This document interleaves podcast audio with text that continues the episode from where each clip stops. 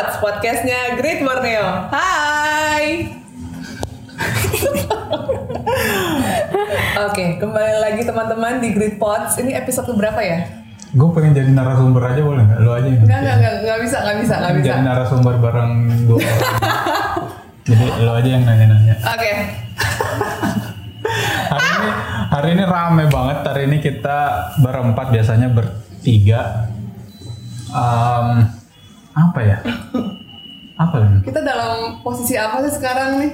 Kita dalam posisi menghadapi pandemi tapi pengen nyari sesuatu kegiatan yang masih bisa kita share ke teman-teman gitu. Terus buat Great Pots gitu ya? Iya, iya. Kayak iseng-iseng aja gitu ya? Iseng-iseng aja. Oke, teman-teman jadi di episode kali ini kita sudah kedatangan Mas Imam dan Mbak Anita.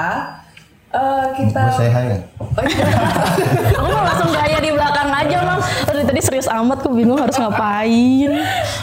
Oke, jadi kalau dilihat di sini ada sekdip, ada HR, ada marketing, gitu kan. Terus kalau tanya jurusannya ada jurusan hukum, Teknik kimia. Saya jurusan kantin, ekskulnya di teknik Oh, telekomunikasi. iya. jadi ekskulnya yang itu ya telekomunikasi. Seringnya Menarik. di kantin kok. Kenapa lu nanya-nanya soal kuliah? Karena eh, jurusannya apa, Hmm. eh kuliahnya apa, jurusannya apa, terus kerjanya apa gitu. Kalau kemarin kita udah sempat ngomong ini sama Pak Didik ya. Iya di episode pertama. Di Boleh cek episode di yang pertama. link di atas sini. Ini ya di sini. Nah sekarang kita mau yang juga nih eh, apa apa sih kemarin judulnya tuh sama Pak Didik lupa gue. Pokoknya mah Dinamika dalam bekerja. ya dinamika dalam bekerja yaitu jurusannya beda, terus eh, apa penempatan kerjanya juga beda sekarang dari sisi Karyawannya kroco. Kroco.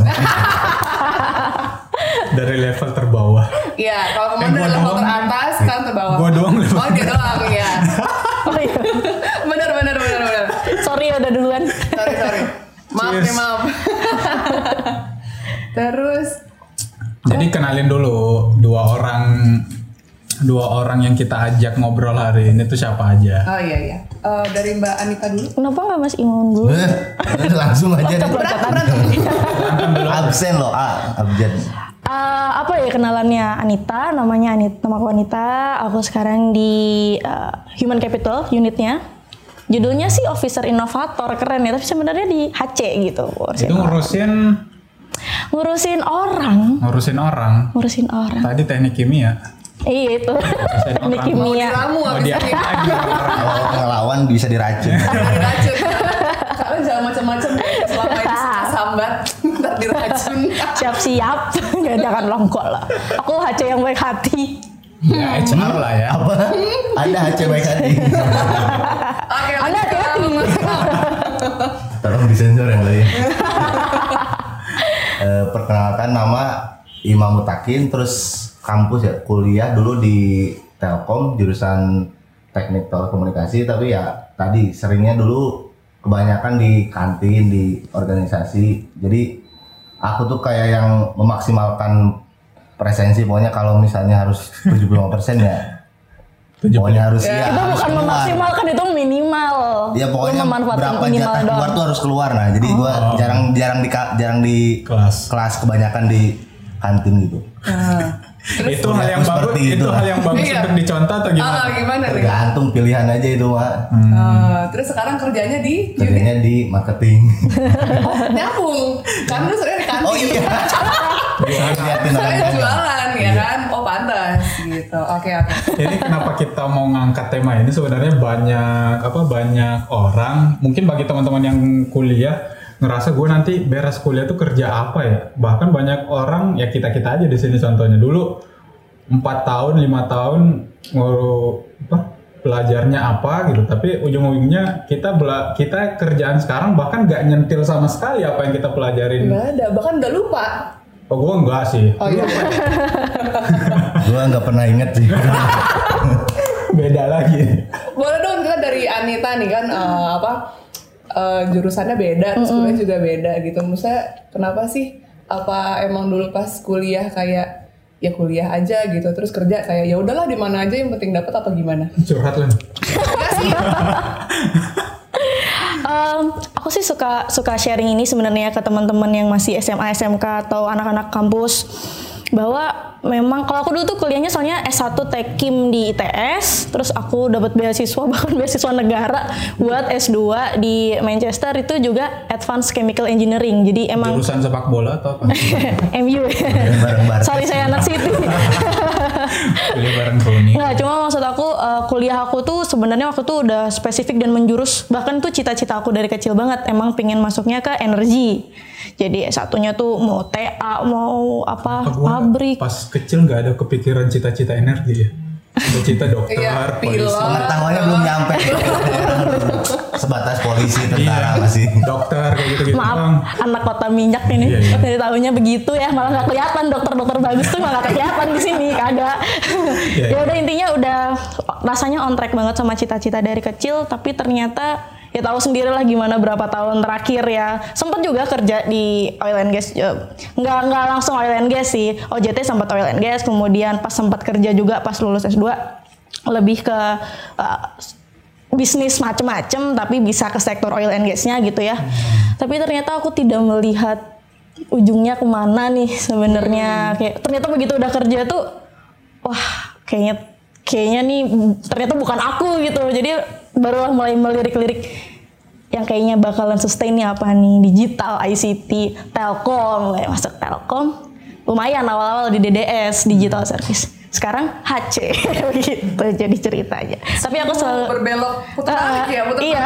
berbelok nih. Cuma aku selalu cerita sih sama teman-teman eh, SMA, SMK, anak-anak kampus gitu bahwa kalau kita kuliah itu selalu ada ilmu yang bakal kepake terus pada waktu kerja nanti apa pun apa pun bidangnya.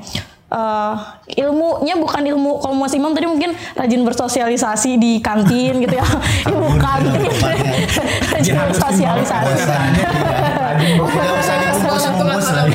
Rajin bersosialisasi. Ngantuk. Iya. Kantin. Cuma ini sih, kalau aku tuh malah lebih melihat kayak kita misalkan di Tekim, kita selalu belajar gimana caranya problem solving. Kalau ada task, kita pikirin uh, outputnya pingin apa, inputnya kita punya apa aja, prosesnya kita harus bikin apa. Ternyata tuh di semua kerjaan tuh ada. Orang finance juga kan ada tuh neraca keuangan misalkan, atau orang HC juga pinginnya karyawan tuh gimana sih? Oh, kita sekarang karyawan kondisinya apa? Effort apa yang bisa kita kasih? Kita mikirin prosesnya. Kemudian, ya gitulah cara-cara kayak gitu yang sebenarnya nggak bisa dipelajari cuma teoritis, tapi empat tahun, lima tahun kuliah itu jadi harapannya kalau kita benar-benar dalamin jadi ses- jadi pola pikir yang udah biasa aja gitu. Dan semoga pas kerja apa pun bidangnya. Kecuali kita kuliahnya profesi ya. Kayak profesi misalkan dokter. Eh tapi anda kuliah pengacara atau gimana? Ya itu kan berarti, berarti sekarang poinnya adalah eh, kuliah apa pun eh, di dunia kerja itu sebenarnya berguna gitu ya. Iya benar. Oke. Nah, kalau Mas Imam, Saya tadi kepanjangan lupa pertanyaannya. Kalau ini di ditambahin aja. Kalau ditanya apa ya tentang korelasi yang ini. ah, Kalau ditanya korelasi kuliah sama kerja sebelumnya juga aku sebenarnya apa ya nggak tahu tersesat pas kerja kayak yang tadi diomongin ya baru tadi diomongin. Nggak tahu tersesat tuh pas kerja nggak tahu pas kuliah sebenarnya kita tersesat tuh. Soalnya pas dulu gua kuliah tuh eh, kenapa masuk ke teknik? Karena menghindari eh, doktrin atau keinginan ambisi orang tua pengen jadi dokter gitu. Sedangkan biologi gue sangat jelek pas SMA nah jadi gua ngelihat biologi gua jelek fisika gua lumayan lah. Iya. nah mending ke teknik ini nggak tahu teknik sama aja semuanya. Pokoknya teknik tuh ya Iya. ilmu fisika ilmu pasti dan lain-lain. Biologi juga ilmu Nggak ada, pasti sih banget. cuma kayaknya lebih hafalan kalau dulu ya. Nggak jarang pakai logiknya. Pas kuliahnya gitu terus kalau ditanya korelasi sepakat sih tadi sama Anita.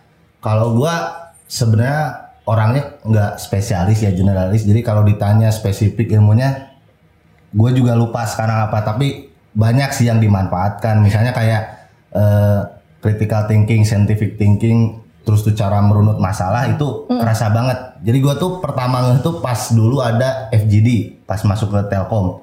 Nah Yoi. gue tuh semeja bareng anak-anak manajemen. Nah kebetulan gua ditunjuk jadi apa moderator ya moderator.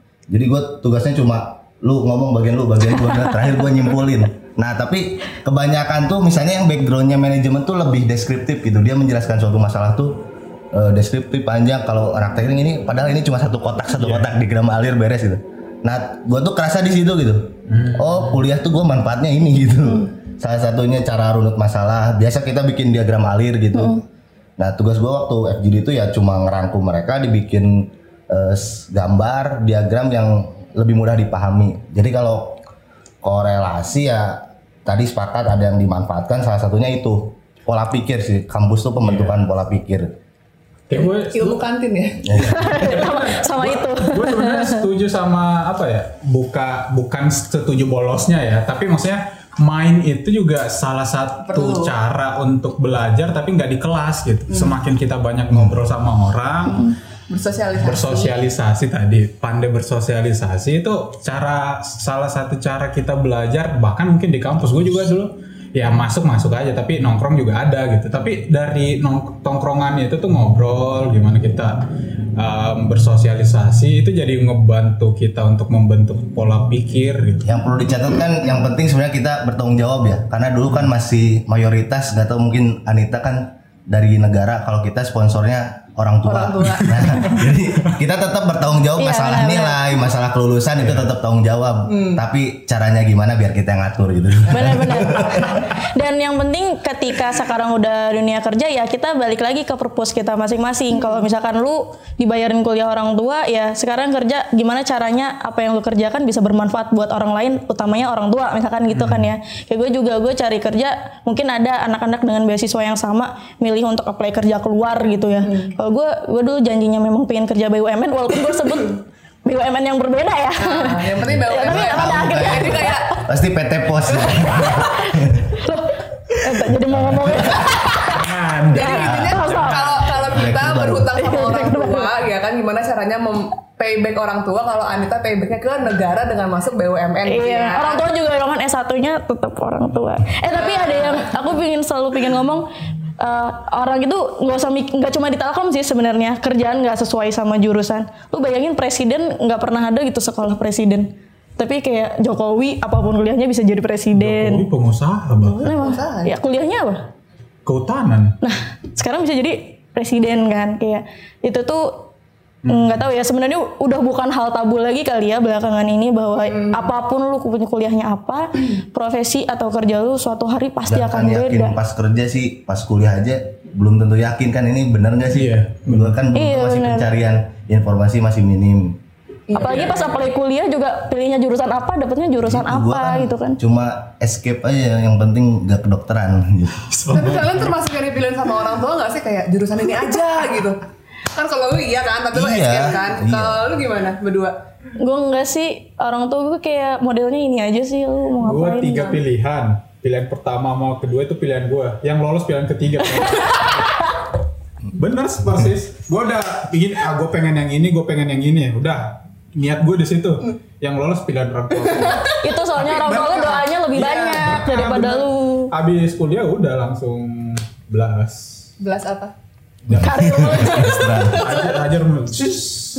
ya gitu lah. Cuman memang ya yang kayak tadi kita nggak nggak nggak bisa bilang juga kalau salah salah jurusan kali cuman um, perspektifnya mungkin harus dibawa kayak lebih lebih luas lagi. Kuliah tuh nggak nggak nggak melulu soal hanya menyelesaikan tanggung jawab. Itu juga iya. Cuman mungkin banyak hal yang banyak hal yang bisa dilakukan. Contoh mas Imam tadi apa organisasi ya? Itu ngebantu banget mas sekarang gitu Kalau ngebantu ya pasti menurut gue sih ngebantu banget ya. Hmm. Jadi dulu tuh gue selain di kantin tuh di sekre jadi kantin sekre gitu Hmm. main PS tidur apa di luar jam kuliah di luar jam kuliah. Adek-adek tolong, tolong ini dipilah mana informasi yang bisa Ini bermanfaat. salah satu cara bersosialisasi. Oh iya. Nah, tadi loh kelas tuh bukan cuma di ruangan yang ada dosen doang kantin itu kelas kita. Benar. Iya. Pada Lagi waktu dan ya? waktu dan tempat yang tepat. Ya jadi itu sih ngebantu banget apalagi itu lebih praktikal ya ilmu sosialisasi ilmu sosial tuh cara ngomong tuh bisa langsung dipraktekkan kita belajar bisa langsung praktek beda sama misalnya lu belajar algoritma linear keluar kelas tuh lu belum tentu paham ini implementasinya apa gitu. Hmm. Ya. Kalau bantu, kalau bantu bantu banget. sih. Ya, Eh, tapi pengen tahu dong gitu. Maksudnya pertama kali nih kayak Anita gitu kan dari eh, yang tadinya oil and gas banget tiba-tiba masuk ke Telkom ke DDS terus Mas Imam juga tel- apa teknik telekomunikasi dulu pertama seperti war room ya di Kaltara ya. Pertama OJT di Telkomsel internal audit, terus ah, dulu iya. masih ada PKWT di sini dulu infra. Hmm. Infra cuma tiga bulan langsung ke sana. Marketing juga HSCS terus pindah ke war room baru ke sini. Oh, nah itu tuh kalian ada semacam kayak denial atau struggle-nya nggak sih kayak, aduh ini bukan gue banget gitu, tapi gimana gitu, tapi gue di sini gitu, Di sisi lain ada ada kebutuhan yang harus terpenuhi dengan pekerjaan. Tapi Ada cicilan, nggak sesuai. bro. Cicilan, ada Tapi passion gak sesuai gitu, Iya. apaan di kerjaan gitu? Hmm. Ada struggle struggle kayak gitu nggak? Kalau gua apa ya sampai sekarang alhamdulillah nggak ada kali ya. Kalau soalnya masih dulu gua dari SD kali udah jualan jadi emang pas wawancara pas wawancara tuh ditanya nah gue inget yang pas wawancara gua masuk Pantas Telkom main di kantin mulu. Jualan. mas pas masuk Yang Telkom di kantin yang jualan sebenarnya makanya dia di kantin. ada dua ruangan gitu wawancara dulu. Nah pas biasa kita kalau ada anak yang duluan pas keluar kita tanya-tanya dulu dong Iya. ini gimana di dalam. Oh aman aman. Bahasa Indonesia kebetulan bahasa gua dulu nggak terlalu fasih lah. Pas masuk gua salah satunya ditanya eh, please explain about marketing. gue tuh English of course. Gua tuh memang jadi dari awal ditanya lu minatnya ke mana? Ke marketing gua bilang. Tapi kalau ditanya teori-teori marketing maaf pak saya kuliahnya di, di teknik gitu. Jadi gua ngeblank gitu. Ya pas wawancara user itu ah udah siapa tuh? Balik kebetulan orang Sunda waktu itu yang nanya. Ya kalau pas itu yang ditanya nggak nggak nyambung gitu. Gua nggak tahu teorinya apa ini marketing. Terus apa? Ya, Pertanyaan apa tadi? susah, Nggak adaptasi nih dari tadinya uh, orang teleko, teknik Oh, iya, telekomunikasi iya. terus ke internal audit itu kayak ada denial atau struggle-nya nggak sih gitu?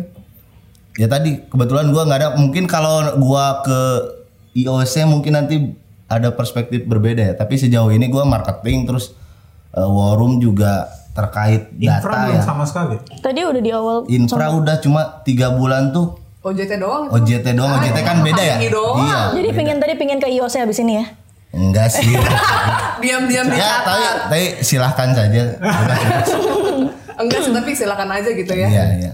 Soalnya kalau gue ya misalnya kerja ini hubungan, kalau hubungan tuh menurut gue jangan disandarkan pada perasaan ya, tapi lebih ke kesepakatan gitu. Kita udah punya kontrak di sini, kita udah sepakat, udah jam kabul ya udah jalanin gitu. Kalau masalah eh, pro cons perasaan tuh harusnya beres di belakang gitu. Gue sebelum tanda tangan Telkom, Iya benar. gue gimana nih nanti, tapi setelah ijab kabul mah ya ya udah senderin ke situ gitu lebih. Ijab kabul maksudnya tanda tangan ya guys ya, bukan nikah, bukan, bukan, bukan. Bahasanya emang tinggi nih. Kalau lu sendiri nih gimana? Ada struggle gak? Apalagi dari dari oil and gas ngurusin minyak-minyak tuh mungkin. Sekarang ngurusin orang-orang nih. Sebenarnya dulu aku oil and gas juga ibaratnya belum terlalu banyak experience ya. Emang kebanyakan dari sisi kuliah aja. Terus em, masuk ke Telkom pindahnya ke digital. Itu dalam kondisi emang aware, mulai ada passion di sana. Jadi Mulai sadar ya. Iya, jadi walaupun struggle dikit-dikit aja kayak karena semua orang fasih banget dah ngomongin big data, IoT, cloud Padahal gitu. belum tentu benar juga. Karena lu nggak tahu jadi oh keren. keren. Iya fase banget ngomong begitu. Dari yang dulunya ilmunya tekim itu ya Buku-buku tahun 90-an kita masih pakai sampai sekarang. 80-an Tiga bahkan. Itu kimianya aja. Itu suka bukan sih? Iya bener, wih pinter banget. Ternyata IPA Emang kita doang yang Ya udah sih, emang nggak tahu. Hmm, Terus ya agak apalagi beda ya yang dari dulunya mikirin sesuatu yang bisa dibayangin pabrik gitu ya. Misalkan kilang gitu ya. Terus mulai mikirin sesuatu yang abstrak nih data. Ada di mana sih data itu? Waktu itu masih bingung gitu. Ternyata sekarang malah di HC Yang notabene orang. Orang itu Orang lebih abstrak gitu. itu lebih abstrak lagi. Kayak karakternya beda-beda. Pagi ini lo modelnya pengennya apa sore bisa ganti lagi kan? Iya. kayak sulit banget. Me- menemukan yang bener gimana itu sulit banget. Tapi eh apa ya? Gue tuh cukup percaya bahwa ketika ada sesuatu yang di luar kontrol kita terjadi sama kita itu tuh artinya Allah udah punya udah punya rencana lah. Pasti ini udah ada manfaatnya yang terbaik buat kamu apa. Jadi at some point aku ngelihat sekarang aku di HC aku kayak cocok logi gitu. Oh ada aja kok titik temunya. Kayak misalnya eh, aku tuh suka sih dari awal misalkan sesuatu yang challenging buat dipelajarin. Aku tuh pada dasarnya daripada suka teknik kimia, sebenarnya lebih ke suka belajarnya kayaknya ya. Jadi mempelajari orang, walaupun udah setahun belum dapat dapat ilmunya harus gimana di HC, tapi masih menjadi tantangan yang menarik. Kemudian eh, aku suka sharing dan di HC ada opportunity buat itulah ya, buat dari culture, dari sisi inovasi, ngomong sama eksternal juga. Eh, ya gitu sih. Dan dulu juga waktu kuliah lumayan aktif ya organisasi mulai dari OSIS ikut, himpunan jurusan ikut, BEM ikut, PPI juga sempat jadi kadif kominfo. Pokoknya masih BPUPKI enggak? Maaf, maaf. Oh, aduh. Kirain gara-gara ini tadi belakangnya upacara. PPI, BPUPKI. ya gitu sih artinya at some point pasti ada aja kan ya kayak satu dua hal yang oh ternyata kita punya kok ilmunya kayak tadi Mas Imam sekarang di marketing oh ternyata dulu karena emang suka aja gitu ke kantin jadi nggak kerasa walaupun beda nggak kerasa ini sih nggak kerasa struggle-nya pada satu titik Justru gua kalau masuk ke apa unit Telkom. yang teknik banget mungkin nanti bisa jadi denial gitu. Iya. yang selera sama kuliah mungkin bisa jadi. kalau menurut lu menurut gue lu nggak bakal denial orang-orang yang ngedenial langsung keluar Bisa ada jadi imam bisa jadi. lah gitu, ya. lebih ke situ Iya iya iya iya nggak tahu sih, gue nggak tahu Lana. Tapi gue sama yang tadi bang Imam, gue bahkan kalau dipindahin sekarang dikembaliin lagi ke legal, legal sesuai basic background, gue nggak bisa karena gue bukan tipe orang yang pekerja yang ap- apalagi, maksudnya kalau di sini kan kebanyakan ngerjain kontrak bukan case. Gue kalau ngerjain kontrak harus teliti kayak gitu, gue nggak bisa gitu, nggak nggak ya bisa mungkin cuman nggak bisa 100% pasti ada part-part yang terlewat gitu. Nggak, Gue lebih kita ke ini ya, ah, kurang apa? Kurang teliti ya. Iya, lebih ke apa kayak ke case itu masih bisa karena gua masih bisa ngobrol lah kayak masih bisa riset riset gitu. Tapi kalau terkait kontrak gue malah agak sedikit lemah di situ. Dan makanya kalau bahkan ada teman gua dari awal masuk sini di bagian marketing masuk jadi AM sekarang ngurusin Instagram. Nggak ada sama sekali oh, Ah, si- siapa ya itu ya? Kayak kenal gitu. ada teman gue di Bojong Soang Tapi ya cerita dikit sih dulu kan uh, dulu di marketing tuh maksudnya masih ngurusin legal juga sebenarnya dulu kan karena aku hukum kan. Masih berkaitan terus pada terus masuk ke HC. Iya, baru mau ngomong kok tadi HC-nya nggak disebut ya. Kelewat Orang HC juga nih. Kalau HC juga itu benar-benar suatu ilmu yang baru gitu ya selain um, apa selain ilmu mengenai orang gitu ya itu juga ilmu mengenai tutup mulut. Ya, Ah, ya. iya. Sama satu lagi ilmu kesabaran sih. Kalau gue yang belajar banget tuh ilmu kesabaran sih. Ini tuh harus rapat gitu. Terus kemudian be- apa ber- berlanjut lagi jadi AM itu denialnya luar biasa sih. Entah kenapa ya, kayak udah berusaha nih kayak ya gue bisa, gue bisa, gue bisa gitu kayak datang ke pelanggan apa tapi kayak Gua nggak bisa, gua nggak bisa. pas dekat pelanggan gue nggak bisa Tapi maksudnya kalau ka- ini ini jadinya dua perspektif ya kalau kalian kan maksudnya kayak ya udah kalian struggle kalian belajar gitu. Aku juga struggle, aku juga belajar tapi kayak entah kenapa kayak at the end tuh kayak nggak bisa gitu. Kayak aduh nggak bisa deh udah gitu mah kalau performance AM ya gue paling bawah udahlah pokoknya nama gue kok bisa dihapus aja gitu kan. Terus kayak sekarang pindah lagi jadi Lo sengaja ya biar pindah ya. Tapi kan dari dari itu lu bisa belajar juga bisnis yang lain gitu. Maksudnya Iya. ya kita perspektif yang dibawa adalah ketika kita ditempatkan di satu unit mungkin atau di satu lokasi, ya kita kita diminta untuk belajar itu juga. Bisa jadi dari perus di- dari sisi perusahaan kita diminta ke situ. Memang karena kebutuhan perusahaan itu sendiri, kebutuhan orang lah, kebutuhan bisnis lah. Di sisi lain kan mungkin perusahaan juga perlu mencetak um, leader Maksudnya di di kemudian hari leader yang dibentuk itu bukan cuman yang bisa paham satu sisi aja, gitu, Iya, iya. tapi bisa paham yang lain kan. tuh tuh tuh. Nah mungkin ya itu kenapa kita mungkin ada ada juga perusahaan yang mungkin yaudah di situ aja sampai puluhan tahun, tapi ada juga perusahaan yang nge-challenge kita lah. Iya. sini. Gue sepakat sih. Jadi mungkin tiap orang tuh nantinya ada akan ada kecenderungan ya. Tapi mungkin kebijakan khususnya di Telkom kita tuh eh, ada orang yang tanda kutip digilir tuh memang buat ngasih perspektif aja ya. Nanti dia nyobain nyobain, nanti dia ketemu juga mungkin di level entah band 4 band 3 tuh udah mulai Udah tahu lah yang fokus harusnya ya. Ya biasanya mungkin di level 34 mungkin mungkin ya baru Iya. ini ya jurnalis spesialis lah dulu bahasanya kan. Iya. Kita diminta untuk di generalis gitu bisa tahu banyak hal. Jadi jadi makin seru aja sih. Ya gue tiga tahun udah tiga tiga tempat, tiga tiga tiga sub unit Satu lah. tempat mas balik papan. Iya. Masih ada detail-detail STO yang banget. Tapi itu ibarat kayak gini gak sih? Kalau mungkin zaman dulu orang baru masuk sorry baru masuk perusahaan kadang pas waktu OJT atau ke DMP masih percobaan gitu diputar ya. Tapi kan jaraknya kayak cuma sebulan sebulan. Lu bayangin aja itu sama aja sih sebenarnya cuma lu setahun setahun gitu. Tapi paling nggak perspektif lu agak gedean habis itu lu cocok dan kira-kira punya di mana? Orang sih pas setelah OJT. Kalau OJT itu apa kayu mati ya? Nah, iya banyak yang OJT itu belum ini kayaknya belum kompeten atau Iya. masih ada yang ini informasi ini masih agak rahasia mungkin orang ini belum tentu jadi Hmm. Belum pegawai belum iya Jadi, ka- Jadi- kadang mungkin hanya diberikan apa tugas-tugas yang ya yang nggak belum terlalu masuk banget gitu ya ke unit itu. OJT tuh te- tempat hahihi nggak sih kalau kalau senior senior dulu ya bilang kayak udah lo nikmatin aja masa OJT lo gitu ntar kalau udah kerja nggak bisa nih kayak gini lagi lah gua gitu. pas baru masuk nih lulus telkom gua nanya yang senior yang duluan masuk OJT ngapain aja nyupirin ibu-ibu kan yang makan iya. Gua langsung belajar mobil jadi pas kuliah gua nggak bisa mobil langsung belajar mobil.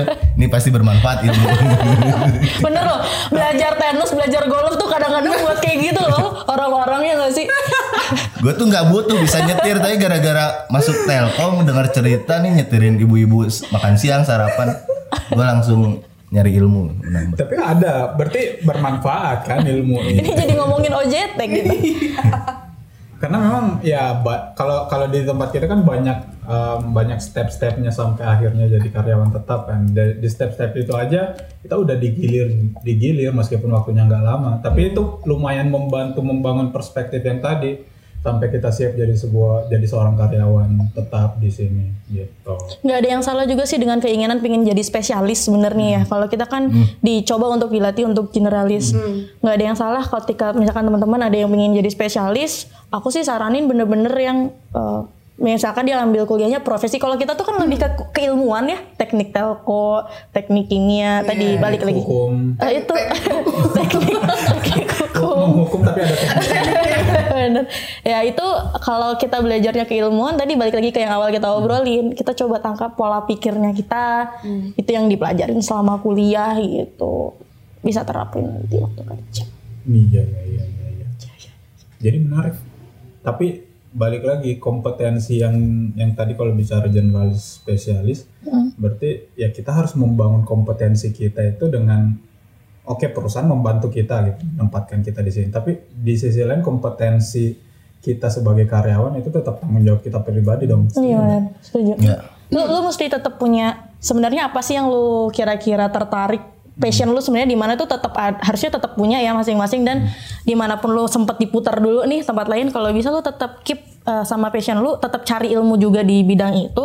Jadi once nanti kamu di level yang lebih tinggi diharapkan udah mau spesifik kamu bisa show off bahwa aku aku tuh passion banget di sini gitu. Dan perusahaan akan mulai lihat. Bisa nanti pas fit proper test tuh kita mau naik manager gitu itu bakal kelihatan sebenarnya orang ini lebih ini tips dari HC kalau misalnya mau naik band kayaknya ya. Iya masih jauh sih.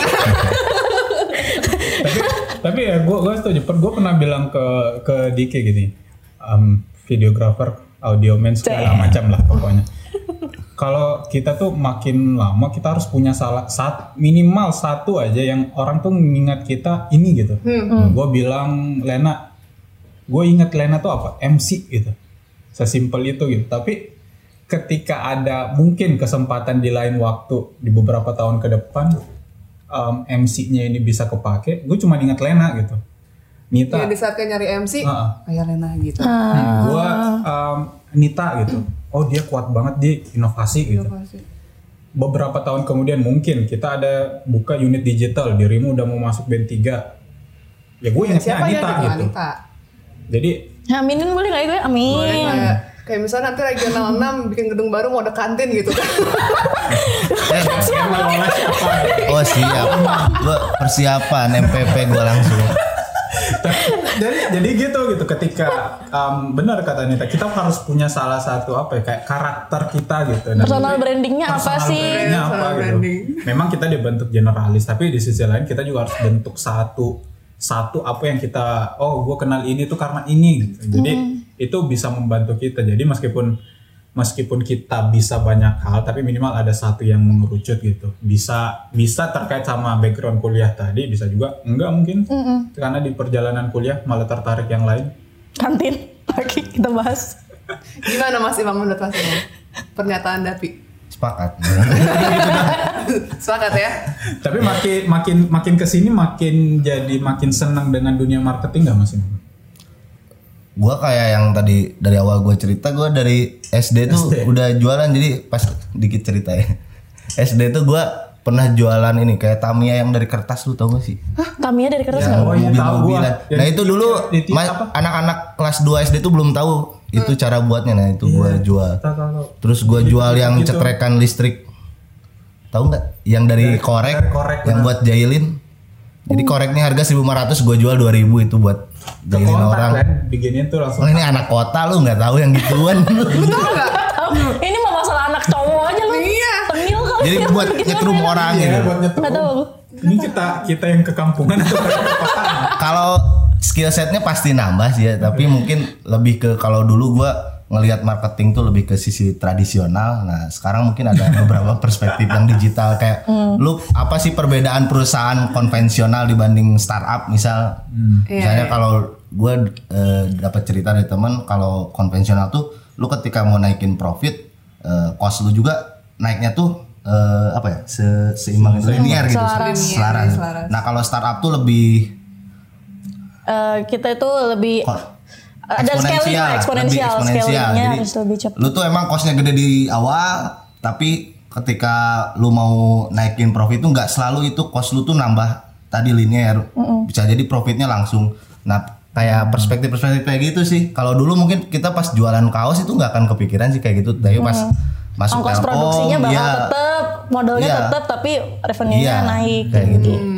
Kalau digital gitu. Kalau dulu dagang-dagang biasa mungkin sekarang lebih ke dagang digital lebih banyak ilmu ilmu Dagang dari Telkom. digital. Kalau sendiri nih bakal bakal apa ya? ah, bakal jadi gini. Ke depan kan yang tadi disentil sama Mas Imam digital gitu. Ba- beberapa tahun ke depan bahkan apalagi ada corona ini kalau bahasanya bahasanya bos kita tuh di reset gitu semua dunia. Apalagi dunia dunia bisnis gitu. Kompetensi yang akan dibutuhkan beberapa tahun ke depan bahkan bisa jadi banyak berubah gitu. Nah, Bener-bener. ada tips nggak gimana sih sebenarnya menyiapkan itu, menyiapkan diri kita sebagai kayak kita tuh masih bisa dibutuhin dalam beberapa pekerjaan di masa mendatang, meskipun di perusahaan yang sama ya, tapi di perusahaan kita sendiri bisa jadi bertransformasi gitu. Em, ini sih tadi kan aku sempat bilang ya ternyata passion aku digital inovasi. Terus aku sekarang di HC ada titik temu sebenarnya bahwa eh, aku selalu nganggap inovator atau semua karyawan ini misalkan inovator ya atau pembelajar gitu ya. Ketika dia tes ujian atau dia bikin produk, produk bisa jadi gagal. Bisnisnya Telkom bisa jadi gagal, tapi si orang-orang yang sempat berinovasi, sempat mengerjakan dan belajar itu nggak pernah gagal, dia tetap upgrade. Jadi eh, setiap failure, setiap kegagalan itu selalu ada lesson learn. Paling nggak aku udah pernah melakukan experience itu nggak bisa di cancel dan eh, kebiasaan untuk berani berinovasi, mencoba, iterasi gagal, bangkit lagi. Itu yang aku rasa dunia ini akan berubah sejauh apa pun. Kayak tadi misalkan corona semua akan ke reset nih, mulai lagi beda lagi. Itu eh, seperti itu, seperti seolah-olah dunia ini sempat fail, kita saatnya bangkit lagi. Nah, mental untuk bangkit lagi, mental untuk gimana iterasi kedua kita lakukan, itu yang menurut aku ilmu yang sekarang bisa bisa berlangsung terus lah nanti buat buat bidang apa pun lah. Gimana caranya kita berani nyoba, gagal, eh, kita fail nih ya, fail fast, sukses faster gitu. Jadi cepet Saya bangkit kenal itu lagi. tagline itu. itu tagline dari siapa juga saya sebenarnya kurang tahu bapak. Tapi itu kayak Berarti semua itu mental tagline. juga selain ilmu mental Iya. juga Mental sih. harus ya nekat gitu. Nekat ya. Nekat. Dan mempelajari apa yang gagal tadi, jadi kita cepet bangkit, cepet kreatif lagi lah ya apa yang harus dilakukan selanjutnya. itu sih kalau aku yang kayaknya nanti Mas penting Imam? banget. Ilmu apa yang Kalau- penting? Ilmu yang penting ya tergantung ya orang tadi berarti masalah relevansi apakah kita relevansi saat ini dan relevansi di masa depan kalau gue sih ngelihatnya pertama tadi sepakat harus ada lu lu tuh kayak main game nih lu dapat badge badge label label lu pengen jadi apa nah menurut gue sepakat sih harus punya satu interest Eh, nah lu dalamin itu. Nah bisa jadi memang terus lu prediksi nih eh, tentang interest lu tuh masa depan tuh butuh apa.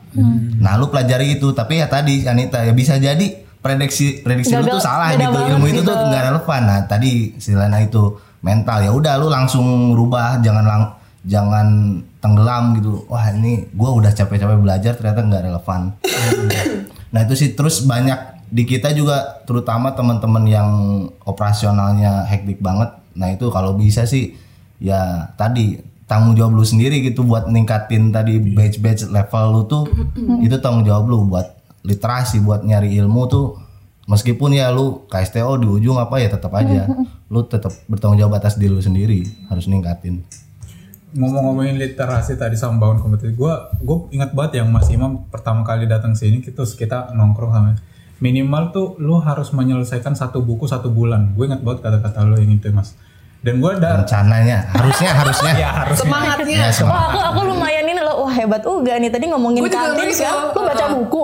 Dia tuh punya rencana. Iya karena tadi nyinggung literasi. Tapi dari itu gue langsung kayak ya bener juga sih kalau satu tahun itu ada 12 bulan minimal satu tahun itu gue bisa menghabiskan 12 buku. Tapi dari itu ya gue langsung langsung nyari-nyari apa nih yang yang bisa ya apa yang buku yang bisa membangun kompetensi gue gitu. Gue jadi belajar. Nah mungkin teman-teman ya balik lagi memang perusahaan menyiapkan kita untuk jadi leader tapi ya balik lagi kompetensi itu tanggung jawab masing-masing orang gitu. Gimana mencari mencari peluang, bagaimana mencari um, membaca sebanyak-banyaknya untuk mencari mencari ilmu, berkawan, main, Lit- nongkrong. koreksi dikit sih menurut gua tuh minimal tuh dua sih Ko- literasi dan koneksi. Nah itu yang banyak lupa tuh orang-orang di ujung tuh seakan sudah terputus dengan orang-orang yang di kahyangan sana. Nah padahal itu networking tuh penting nggak cuma di perusahaan ya. Di sana juga lu misalnya lu penempatan di eh, apa ba- paling jauh di mana? buntok, buntok. buntok misal buntok.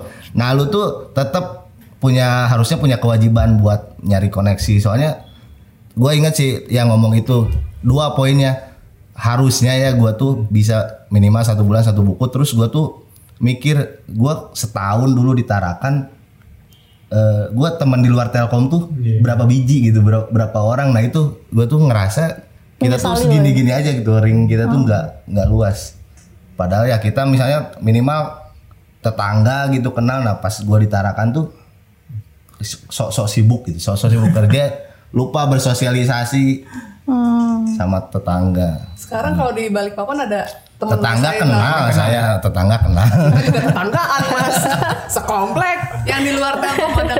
Ada sih cuma itu peningkatannya. Kayak kemarin gue baru kenal sama gue beli Vespa di Tarakan tuh buat itu. Jadi ikhtiar gue itu gue beli Vespa tuh ya pengen Vespa sih. Tapi niatnya bukan cuma itu gue pengen Komunitas nambah ya? gitu. Ya masuk ke komunitas pengen nambah teman Vespanya di bagus sini mas kan? nambah satu dalam satu tahun berarti Vespanya bagus mas. lagi ada tuh di belakang nangkring dulu Gak dipakai. warna biru Gak dipakai pakaian.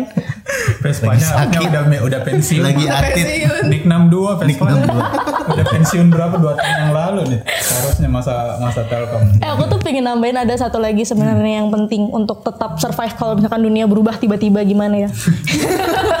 Ber- apokalips post apokalips Nah, yang penting itu adalah balik ke purpose kita sih masing-masing. Lu kerja buat apa sih sebenarnya? Lu ada yakin hanya sebatas uang. Cinta uang itu buat ke mana? Oh cinta. cinta. ini tuh dual Ini maknanya Baik, nah itu sih balik ke purpose. Jadi eh, kenapa sih gue kerja? Apa sih yang gue inginkan? Pengen bermanfaat kah? Pengen pengen bertanggung jawab untuk eh, diri gue sendiri dan keluarga kah? Balik ke situ lagi. Jadi lo akan punya semangat untuk belajar dan belajar tadi bisa macam-macam mulai dari eh, baca-baca juga, kemudian praktek juga, bisa juga dari mentor sih. Coba coba temukan seseorang yang bisa jadi mentor. Nggak harus di kantor. ya. Ya, Ah, nggak harus di kantor. Kalau di kantor ada, alhamdulillah ya. Aku sendiri ngerasa di kantor ada. Di luar cari seseorang. Kalau konteks aku suami misalkan, dia bisa mentorin aku tapi gimana. cari suami makanya Nah lu itu Iya, Tapi cari suami. Iya, biar Bukan suami. Gua harus cari suami karena mentor gua ya ya ya. Makasih loh nih. Ca- Carilah sesosok mentor yang eh, itu tadi mungkin lo teman-teman Vespa lo bisa jadi mentor lo misalkan mentor apa Mentor, mentor apa cuma nongkrong doang. iya ada ada mentor yang mereka bisa memberikan perspektif nggak cuma dari teori tapi pengalaman. Hmm. Nah, yang dibagi termasuk nonton podcast kayak gini-gini. Ini kan ada pengalaman-pengalaman yang dibagi ya. pengalaman Jadi buruk bisa diambil pengalaman buruk, Buruk adalah dan buruk dan terbaik. baik loh ini. Tapi benar Iya, apa, benar. um, gue pernah baca bahwa um, di umur 20-an itu kita sebenarnya butuh role model. Ya, Kita butuh butuh ada yang dicontoh lah untuk untuk ngebangun karakter kita Pak. Apalagi di umur 20 ini kayak um, ini yang ngebangun ya, ini ini yang ngebangun yang membentuk kita lah ya. ya Masih membentuk kita. Jadi kita sangat-sangat butuh role model. Eh 20-an lu udah masih 20-an ya? 20 lah Masih 20-an. masih Tambah 10. masih gua akhir usah akhir Nggak usah bawa umur gak enak nih gua. Dia pengen nyombong Pengen nyombong, tapi- nggak ada yang menyambut tadi Iya. pel pel Iya. Ya, ya gitu. Yang paling muda ya. Duh, dia sendiri kok punchline sama sendiri lu nunggu ada yang ini dulu bang Enggak, enggak. Tapi nggak ada yang mengakui juga kalau dia paling muda. Iya. sangat terlihat sekali ya paling muda Terlihat banget gitu ya. Dari wajah, penampilan, ya kan auranya gitu. Aura. Tapi balik lagi, balik lagi. Udah, gak usah dibahas yang itu. Tapi Masih muda. ketawa gue. Masih pengen ketawa gue udah. Lanjut. Tapi balik lagi bahwa sebenarnya ya kita kita boleh gitu kuliah kuliahnya Beda. um, beda tapi balik lagi tadi kalau kata Anita purpose-nya apa sebenarnya Um, kita buat bekerja jangan jangan jangan jadikan bahwa perbeda apa pas kuliah itu beda pas kerja beda jadi kayak hambatan ah gue nggak mau ah, kerja ini karena bukan bukan gue bukan gue banget gitu. Ya bisa jadi itu jadi pekerjaan yang lu banget. Ketika lu jalanin lu tahu hard lu tahu input outputnya ke mana pekerjaan itu ya lu jadi bisa suka sama pekerjaannya itu gitu. Meskipun sangat sangat sangat jauh berbeda dengan apa yang lu pelajarin 4-5 tahun pas kuliah ya. Itu, Dan itu masalah kalaupun- ekspektasi aja sih. kalaupun ekstrimnya lu nggak suka tuh lu tetap punya kewajiban. Iya. iya karena Bisa kan tadi di situ ya. udah ijab kabul udah kesepakatan ya udah balik lagi ke situ. Atau enggak ya udah pilihannya tiga. Kalau kata teman kita. Temen kita, siapa ya? temen kita. ada teman kita pilihannya cuma tiga. Cuma tiga. Saya, ya, saya oh iya gue tahu. Ah, iya. Apa? Ngelawan. ngelawan um, adaptasi. Hmm. Atau, Atau keluar. keluar gitu dari jangan jangan jangan jangan nyusahin. Ya benar-benar. jangan, jangan ngebentuk sistem apa sistem yang udah bagus itu terus lu masuk lu ngerecokin sistem itu lu jadi Atau cuma berkeluh kesah aja, terus Iya. kerjaan juga nggak selesai, nggak sehat juga buat si buat dia, dirinya, dirinya kan. dan buat si lingkungan sekitarnya tuh unitnya kayak gitu Wah kalian Intinya- ada cocok sekali kembali lagi ke HC.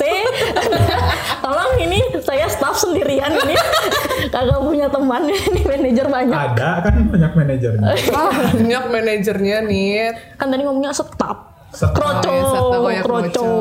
Iya, iya, iya, iya. Ya, jadi gitu guys. Jadi intinya Intinya Jadi sebenarnya jangan jangan menutup diri bahwa dengan kita berbeda background kuliah tuh kita tidak bisa memberikan yang terbaik bagi perusahaan ya nggak sih? Maksudnya banyak kompetensi-kompetensi yang bisa terbangun, banyak kompetensi-kompetensi yang bisa kita pelajari. Mas baru mungkin mungkin mungkin beda banget sama apa yang kita pelajarin sama kuliah, tapi ya itu bisa jadi ngebentuk mental kita untuk jadi siap di masa mendatang. Apalagi dengan kondisi yang sekarang khususnya dunia bisnis itu sangat-sangat cepat untuk berubah. Apalagi satu tahun ini aja udah sangat-sangat berubah kan semuanya. Jadi um, bantuin gue ini sih kalau kita performnya bagus, kita ikut dukung perusahaan nyampe tujuannya itu bakal balik lagi ke kita kok. balik lagi kayak purpose-nya kita sebagai pekerja dan perusahaan itu harus sejalan berarti ya Benar. Perusahaan kan banyak bantuin kita. Barusan baru kepikiran nih Iya. Gua bisa ngebantuin gak? Keinget ini ada ceramahnya Agim nih Nah, Tadi Gini nih. mulai ceramah ini imam yang tidak banyak Jadi- diketahui orang ya. Mas itu tuh kalau nggak menyentuh spiritual tuh kurang. Spiritual. Kurang, kurang, Oh, bukan imam, kurang. bukan imam. Jadi kalau menurut beliau tuh eh, kita tuh hidup tuh kayak berjalan di malam hari naik mobil gitu. Kita tuh penerangan kita terbatas, kita bisa ngelihat ke depan tapi terbatas. Ya udah kita jalanin aja kita bisa mentok, nanti bisa bisa capek tapi kita nggak tahu kalau mentok ya lu cepet balik lagi. Tapi nggak ada seorang pun yang bisa memprediksi gua pasti di depan tuh bakal kayak gitu tuh. Kayaknya nggak ada sih. Ada nggak? itu yang apa? yang pasti hanya ketidakpastian itu Oh, sendiri. Itu, itu Telkom. Masa sih enggak lah. oh, bukan ya? Bukan itu. ya mah. intinya mah ya jalanin aja dulu nanti kalau lu yang penting bertanggung jawab lu kalaupun ngambil keputusan lu tahu resikonya tadi misalnya em, lu keluar lu lawan intinya satu sih lu terserah lu mau gimana tapi lu tanggung jawab atas keputusan lu Betul. Setuju. Jadi ya itu banyak banget um, obrolan yang menarik hari ini ya dari dari Kayaknya kita bisa abis ini bisa lanjut lagi ngomongin masalah idealisme ya. ah next episode kali ya. gua udah dikasih tema itu gua nyari riset gua langsung Oh cocok berarti. Cocok abis ini. enggak Kita siapin. Tolong anda belajar idealisme, abis ini kita bikin lagi podcastnya ya. enggak enggak Udah udah males, udah Bayaran males. berapa lo dipanggil lagi? Enggak ada Eh, pahala. Ah, Lo bukan hak anda bagi-bagi pahala tuh itu urusan Tuhan. Ini kayak eh, gimana? Gimana? Gimana? sensor, sensor, Gimana? sensor, sensor. Bahaya. Nyenggol. Jadi terima kasih banget nih Anita dan Mas Imam hari Ya, ini. Enggak, enggak lo enggak masuk itu kan. Eh kalian kan juga narasumber di sesi ini cocok soalnya. Nah nanti dibalik ya. Apa kita tuh? yang nanya, Wah saya sih suka sih kalau lu gitu. pengen jadi narasumber kan? Iya dia doang kalau aku sih enggak karena Oh. aku kan MC kan, host kan. Emang dia tadi kayak udah lah gue jadi ini juga narasumber aja. Menggali aib MC-nya. gitu. Oke, sekali lagi terima kasih nih Anita dan Mas Imam. Iya. Jadi guys, Sama-sama. Ya guys, jadi itu dia perbincangan dengan Mas ya, Mas Imam dan Mbak Anita mengenai eh, apa dinamika dalam bekerja yaitu berbeda antara jurusan kuliah dengan unit bekerjanya ya. Sekali lagi terima kasih untuk Mas Imam dan Mbak Anita. Sampai ketemu di Grid Pod selanjutnya. Dadah. Ya, terima kasih udah diundang. Satu dua tiga. Lu cuti? Iya.